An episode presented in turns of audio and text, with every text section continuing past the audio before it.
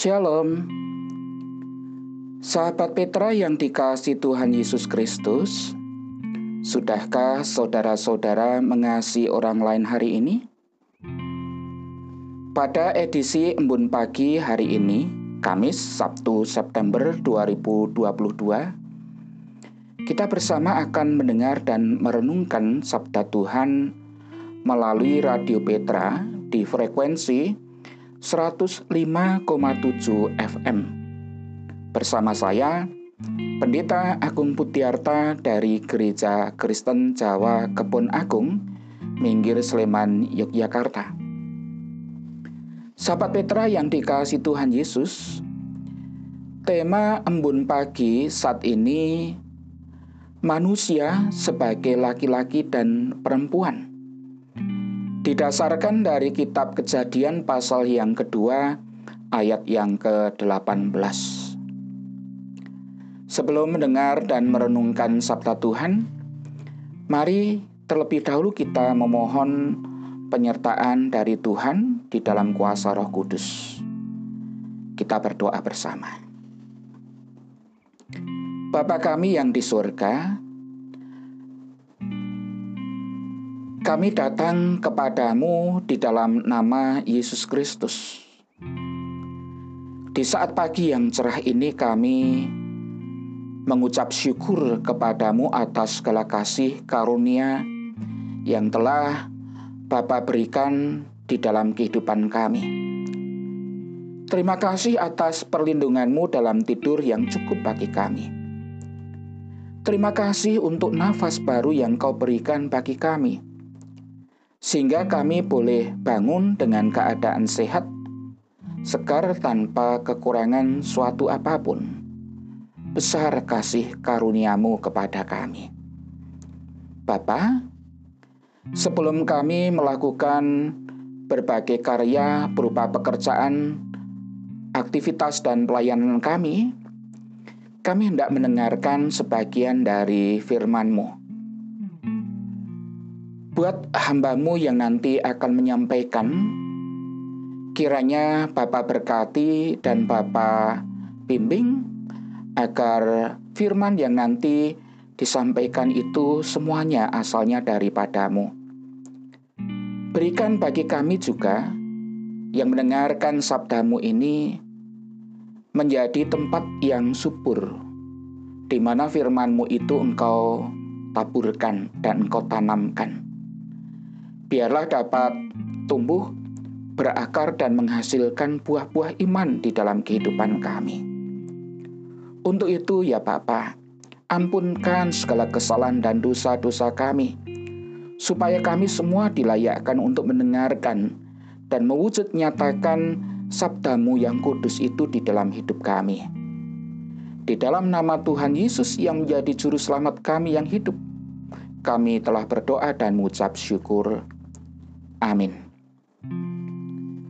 Sahabat Petra yang diberkati Tuhan Yesus, bacaan Sabda Tuhan saat ini dari kitab Kejadian pasal yang kedua, ayat yang ke-18. Demikian sabdanya.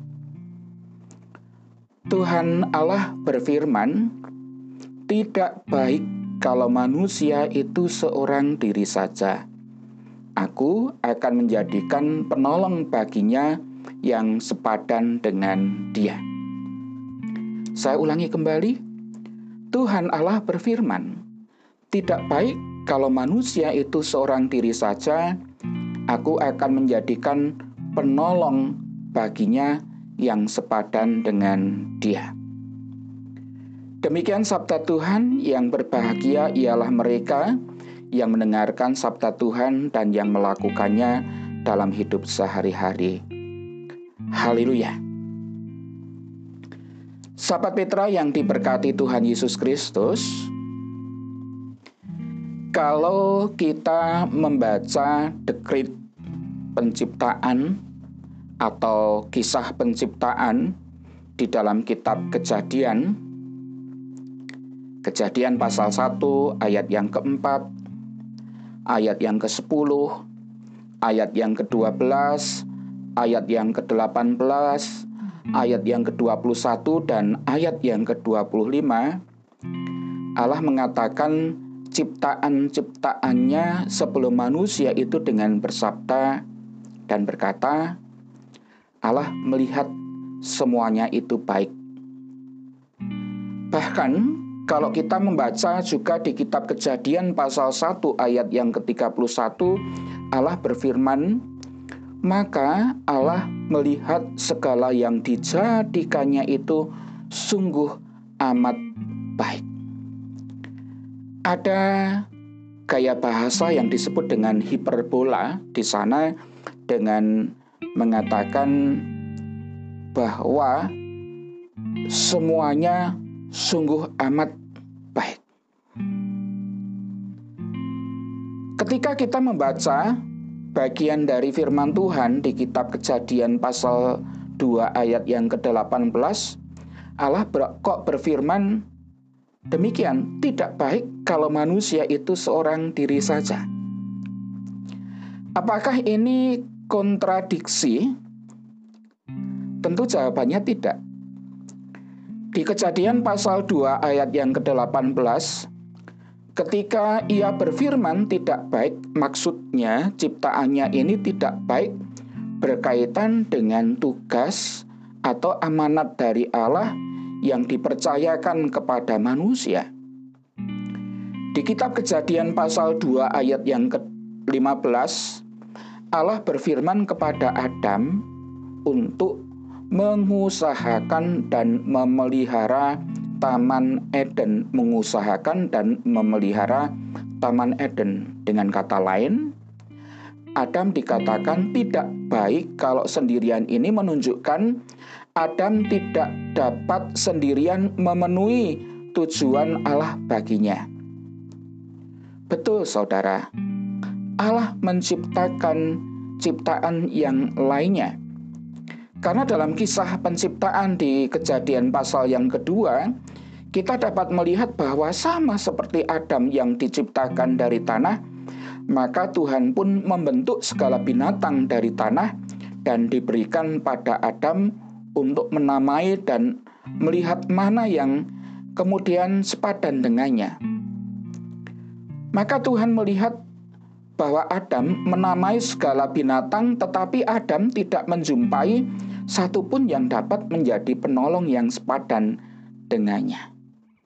Saya tidak mengatakan Allah melihat dan kemudian Allah mengevaluasinya. Ada yang kurang dalam ciptaannya. Tuhan melihat bahwa tidak ada penolong yang sepadan dengan Adam jika masih tetap dibentuk dari tanah, maka Tuhan Allah berfirman, "Tidak baik kalau manusia itu seorang diri saja, aku akan menjadikan penolong baginya yang sepadan dengan dia." Tuhan ingin agar manusia pertama itu ada penolong yang sepadan baginya. Maka Tuhan membuat manusia yang kemudian diberi nama Hawa dari bagian tubuh Adam, yakni salah satu tulang dari tulang rusuknya ketika Tuhan membuat Adam tidur nyenyak. Sahabat Petra yang dikasih Tuhan, ketika Tuhan membawa Hawa kepada Adam, maka Adam menamakannya perempuan itu dan sangat setuju bahwa perempuan itu akan menjadi penolong yang sepadan dengannya. Perempuan yang diambil dari tulang dan dagingnya, bahwa laki-laki akan bersatu dan kemudian menjadi satu daging. Ini sering kali digunakan oleh hamba-hamba Tuhan ketika melayankan ibadah peneguhan nikah dan pemberkatan perkawinan. Sahabat Petra yang dikasih Tuhan, dari sini kita dapat melihat bagaimana Allah aktif memperhatikan menolong dan memberi apa yang dibutuhkan manusia. Namun, pertolongan Tuhan tentu yang diberikan kepada manusia tidak diberikan begitu saja. Tetapi Tuhan memberikan kesempatan kepada manusia untuk menggunakan kemampuan dan pengetahuan yang telah Tuhan berikan kepada manusia itu. Walaupun manusia diberi kesempatan untuk berusaha untuk menemukan yang terbaik bagi dirinya, tetapi Tuhan tetap melihat dan memperhatikan usaha manusia itu, dan pada akhirnya dapat kita lihat bahwa seperti apa pun kemampuan dan pengetahuan manusia dalam mengusahakan yang terbaik baginya dalam dunia ini dengan memberi nama kepada segala makhluk yang lain, tetapi saudara, manusia itu tidak akan pernah bisa membuat manusia itu menemukan yang terbaik bagi hidupnya tanpa adanya campur tangan dari Tuhan. Kebaikan hidup manusia itu adalah hidup bersama dengan Tuhan. Kebaikan manusia itu harus memiliki relasi yang baik dengan Tuhan, memiliki komunikasi yang baik dengan Allah yang menciptakannya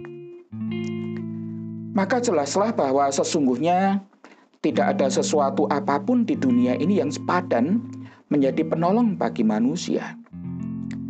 Kesempurnaan manusia menjalani kehidupannya hanya pada Allah. Sebab Tuhan juga memberikan kesempatan kepada Adam mendapatkan penolong yang sepadan dengannya dari apa yang telah diciptakan oleh Tuhan tetapi tiada yang dapat ditemukannya. Sahabat Petra yang dikasih Tuhan, ketika manusia itu tidak menemukan penolong yang sepadan baginya dari segala binatang yang diciptakan Tuhan, maka Tuhan menciptakan menjadikan Hawa dari tulang rusuk Adam dan dari sinilah kita dapat menemukan jawaban bagaimana Tuhan memberikan penolong yang sepadan kepada manusia, yaitu dengan mengambil dari manusia itu sendiri. Seorang perempuan haruslah kita menyadari bahwa kita manusia adalah sama, berasal dari tubuh manusia yang pertama. Dari penciptaan manusia yang pertama Adam dan Hawa, kita dapat melihat bahwa sesama kita manusia adalah bagian dari diri kita sendiri juga. Sahabat Petra yang diberkati Tuhan Yesus. Dari sini kita mau disadarkan betapa manusia itu mulia. Jika dibandingkan dengan ciptaan Tuhan yang lainnya. Kenapa bisa demikian? Karena manusia itu diciptakan menurut gambar dan rupa Allah yang sering kemudian disebut dengan imago Dei. Imago, gambar Dei dari kata Dios jadi manusia itu dari gambar dan rupa Allah. Dan Tuhan juga berfirman bahwa manusia tidak baik kalau manusia itu seorang diri saja. Manusia membutuhkan yang lain, yaitu sesama manusia di dalam hidupnya. Perenungan apa yang bisa kita angkat dari kisah ini? Bacaan Sabda Tuhan ini menggugah hati nurani kita untuk memandang bahwa sesama manusia itu adalah ciptaan Tuhan yang begitu sangat mulia. Kita sadari atau tidak, keegoisan, tinggi hati, ingin tampil lebih dari orang lain, kita telah membuat orang lain lebih rendah daripada kita. Padahal kalau kita kemudian meneliti dari bacaan firman Tuhan, semua manusia itu diciptakan sama di hadapan Tuhan. Kita juga dapat melihat bagaimana manusia yang tidak lagi sering kali kemudian menempatkan atau mengasihi sesamanya manusia itu sebagai sesama yang juga diciptakan dan dikasihi oleh Tuhan. Kita lihat bagaimana Adam sendiri tidak menjumpai penolong yang sepadan dengan dia dari semua yang diciptakan oleh Tuhan yang lainnya. Anehnya saudara yang dikasih Tuhan, di dunia yang sekarang ini kita jumpai justru sebaliknya, ada orang yang tega melakukan tindakan kekerasan kepada orang lain. Hampir setiap hari kita disodori, kita mendengar, dan kita juga melihat kekerasan, pembunuhan, mutilasi, intoleran, persekusi, dan lain sebagainya. Bahkan juga di kemajuan zaman, kemajuan IT, kemajuan sosial sekarang ini semakin membuka peluang pintu bagi manusia untuk tidak dapat mengontrol dirinya sendiri ketika kemudian memberikan pendapat, memberikan komentar kepada orang lain.